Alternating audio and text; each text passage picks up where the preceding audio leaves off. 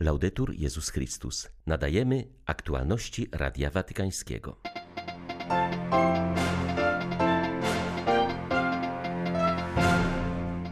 W Bolonii trwają obchody 800. rocznicy śmierci świętego Dominika, założyciela zakonu kaznodziejskiego.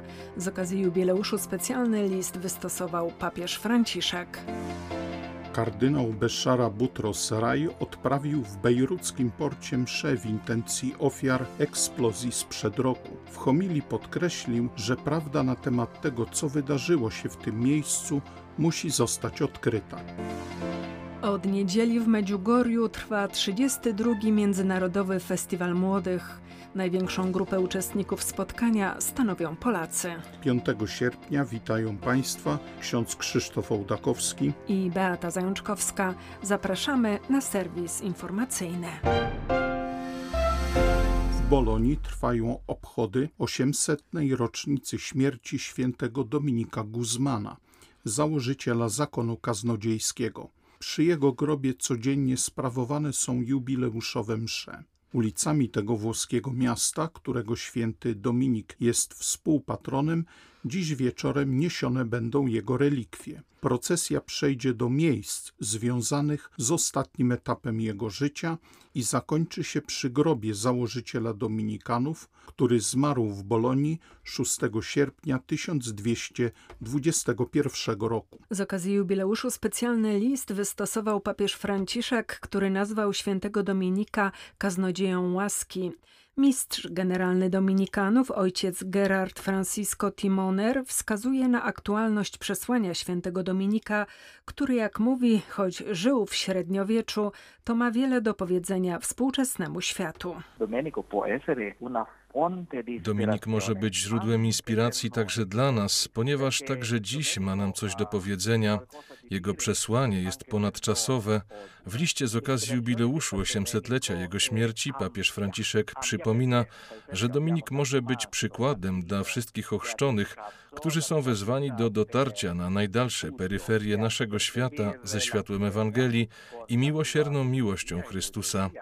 Nasi bracia, ale i siostry dominikanki pracują między innymi na rubieżach między tym, co ludzkie i tym, co łamie godność człowieka.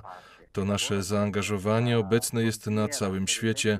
Przykładowo w Genewie przy ONZ mamy biuro, które nosi nazwę Dominikanie na rzecz sprawiedliwości i pokoju.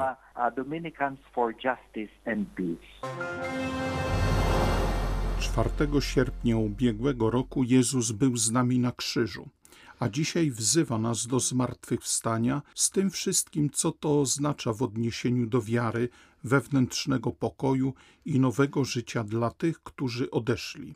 Powiedział podczas mszy upamiętniającej ofiary wybuchu w bejruckim porcie kardynał Beszara Butros Raj. Patriarcha Maronicki podkreślił w kazaniu, że wartość krwi 207 ofiar, 6500 rannych, zniszczenie połowy stolicy i cierpienie setek ludzi jest bezcenna.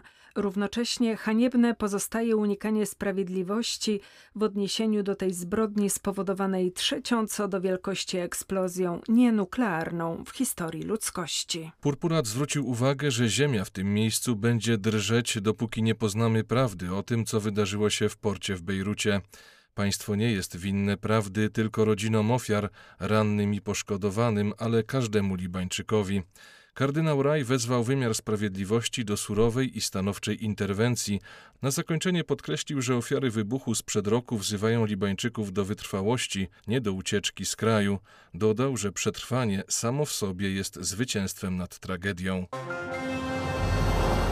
Podczas wizyty w Libanie zdziwiło mnie, jak często ludzie prosili mnie o modlitwę. To pokazuje, jak wielka jest dziś bezsilność mieszkańców tego kraju powiedział Radiu Watykańskiemu biskup Stanislas Lalan, który przebywał w Libanie, aby nawiązać współpracę między jego podparyską diecezją Pontoise i maronickim wikariatem Sarba. Przez nawiązanie takich partnerskich relacji między konkretnymi diecezjami Kościół we Francji chce wesprzeć libańskich chrześcijan. Biskup Lalan przyznaje, że podczas swego pobytu w Libanie był świadkiem tego, jak mieszkańcy tego kraju walczą o zdobycie produktów pierwszej potrzeby. Wiele osób zwierzyło mi się, że ich dzieci szykują się do emigracji, opowiada francuski biskup, podkreślając, że świadczy to o poważnym zagrożeniu dla przyszłości tego kraju. Zastrzega on jednak, że pogrążony w kryzysie Liban nie przestaje go zadziwiać swoją żywotnością, a także międzyludzką solidarnością. Uderzyła mnie przede wszystkim radość życia i to na przekór skrajnie trudnym warunkom życia. Trzeba pamiętać o tym, co oni przeszli. Libańczycy zachowują w sobie nadzieję wbrew nadziei. Świadczy to, że ci chrześcijanie są rzeczywiście uczniami Chrystusa. Pośrodku tych trudnych sytuacji wiara staje się oczywista. W parafiach uderzyła mnie solidarność i wzajemna pomoc. Widziałem też, jak ważna jest w Libanie solidarność rodzinna. W nawiązanym właśnie partnerstwie między moją diecezją i wikariatem Sarba jednym z głównych punktów będzie właśnie rodzina. Myślę, że tym możemy się wzajemnie ubogacać, naszym duszpasterstwem rodzin, tym, jak dba się o rodzinę. Od niedzieli w Medjugorju trwa 32. Międzynarodowy Festiwal Młodych. Wydarzenie każdego roku przyciąga młodych katolików z całego świata. W miejscu objawień Matki Bożej każdego dnia uczestnicy spotykają się na wspólnej modlitwie, słuchają katechez i rozważają Słowo Boże. Największą grupę pielgrzymów przybyłych do tego bośniackiego sanktuarium stanowią Polacy. Opiekuje się nimi ksiądz Łukasz Górzyński, dyrektor otwartego właśnie Domu Pielgrzyma.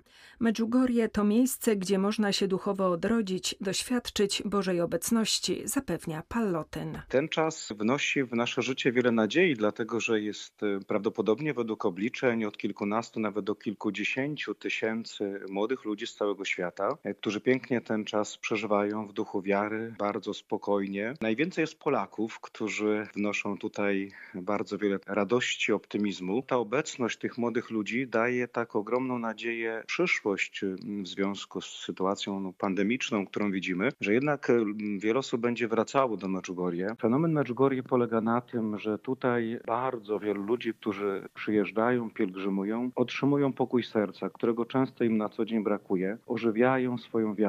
Łaska Pana Boga działa tutaj w sposób niezwykły. Ludzie przeżywają spowiedź, często po wielu latach. Są to bardzo głębokie spowiedzi, co widzimy. Zaczynają się modlić, czytać Pismo Święte i zaczynają częściej uczestniczyć w Eucharystii, jak i w sposób pogłębiony. Na placu świętego Jana na Lateranie w Rzymie u stóp figury poświęconej świętemu Franciszkowi odbyło się wydarzenie zatytułowane Ubogie słowa żebrać. Rektor seminarium Matki Bożej Miłości, kardynał Enrico Ferrocci, zwrócił uwagę, że Pan wzywa nas dzisiaj do bycia dyspozycyjnymi dla innych i do szczególnego wzięcia do serca najbardziej potrzebujących. Aktualnie na wielu włoskich placach mają miejsce spotkania z okazji stulecia włoskiego czasopisma poświęconego biedaczynie zatytułowanego San Francesco. Wśród licznych miast Italii nie mogło zabraknąć także Rzymu. To właśnie tutaj, jak podają źródła franciszkańskie, święty przebrał się za żebraka i wraz z ubogimi prosił o jałmużnę przed drzwiami laterańskiej bazyliki. U stóp pomnika biedaczyny Zasyżu, który upamiętnia to wydarzenie, kardynał Ferrocci przypomniał jeden z epizodów z życia świętego Franciszka. W Asyżu spotkał trędowatego, podszedł do niego i objął go. Ten czyn Franciszka nie był gestem heroicznym, gestem nadczłowieka, który chciał pokazać wszystkim, że nie boi się trądu. W tym chorym człowieku widział nie tylko Pana, ale i samego siebie. Możemy wykonywać pracę społeczną i charytatywną, ale to nie jest to, czego Bóg od nas oczekuje. Pan prosi nas, abyśmy byli dostępni dla innych, tak jak On był dostępny dla nas. Jeśli uda nam się być obecnymi w ubogich, tak jak Pan jest w nich obecny, wtedy staniemy się dyspozycyjni do bycia prawdziwymi narzędziami w rękach Pana. Władze regionu Galicji usunęły z Monto del Gozo pomnik Jana Pawła II upamiętniający czwarte Światowe Dni Młodzieży, które odbywały się w Santiago de Composteli w 1989 roku. Grupa księży i wiernych rozpoczęła starania o powrót monumentu na swoje miejsce lub o umieszczenie go w nowej lokalizacji. Statua znajdowała się na ostatnim odcinku szlaku świętego Jakuba. W styczniu 2020 roku w regionalnym dzienniku La Voz de Galicia ukazała się krótka informacja, że władze regionalne odnowią pomnik. Jednak w marcu bieżącego roku ten sam dziennik poinformował, że pomnik został usunięty z powodu jego złego stanu spowodowanego upływem czasu i klimatem. Obrońcy pomnika uważają, że władze celowo doprowadziły do jego zniszczenia oraz wykorzystały pandemię, aby po cichu usunąć go z Monte del Goso. Władze Galicji usunęły pomnik Jana Pawła II, obrońcy wolności, natomiast pomnik komunistycznego zbrodniarza Che Guevary pozostał nietknięty w Oleiros, zauważa Francisco José Contreras. Z Madrytu dla Radia Watykańskiego ojciec Marek Raczkiewicz, redemptorysta. Arcybiskup Ludwik Schick z Bambergu zaapelował do wspólnoty międzynarodowej o natychmiastową pomoc dla Madagaskaru. Kraj mierzy się z największą suszą od ćwierćwiecza. ONZ ostrzega, że bez natychmiastowej pomocy nawet 400 tysiącom mieszkańcom wyspy grozi śmierć głodowa. Powodem kryzysu są niewielkie opady w ostatnich trzech latach i pandemia koronawirusa. Według prognoz zły bilans opadów utrzyma się na wyspie aż do października. Ludzie jedzą owady, liście, korzenie i nasiona zmieszane z błotem. Dzieci na ulicach żebrzą o żywność, zostały z nich już tylko skóra i kości, napisał arcybiskup Schick.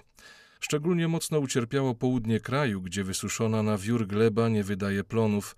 Tymczasem większość mieszkańców tej części wyspy jest uzależniona od drobnego rolnictwa napędzanego opadami w porze deszczowej. W poszukiwaniu żywności wielu porzuca swoje domy i decyduje się na niebezpieczny marsz na południe, wyjaśnia arcybiskup Bambergu. Ostrzega, że bez radykalnych działań pomocowych ze strony wspólnoty międzynarodowej w krótkim czasie liczba głodujących się podwoi. W oczekiwaniu na beatyfikację prymasa Wyszyńskiego. Trzeba dowartościować rodzinę, poprawić jej warunki ekonomiczne, stworzyć taką sytuację dla ojców rodzin, żeby żony, zwłaszcza licznych rodzin, nie musiały spędzać tyle godzin zarobkowych poza domem, podczas gdy dzieci i młodzież wychowuje nie wiadomo kto i z jakim wynikiem. Gdy dzisiaj mówimy o współdziałaniu Józefa z Nazaret z Marią w dziele powierzonym im przez Ojca Niebieskiego, to uczymy się z tego przykładu, że potrzeba tych dwojga serc dla należytego wychowania.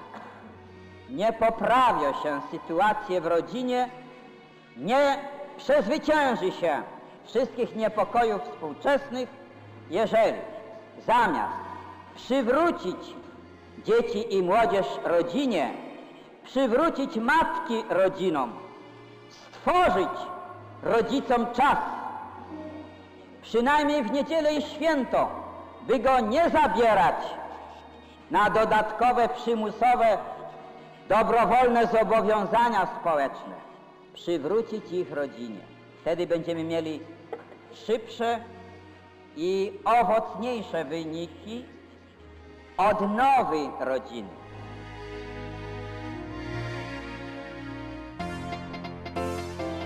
Były to aktualności Radia Watykańskiego. Laudetur Jezus Chrystus.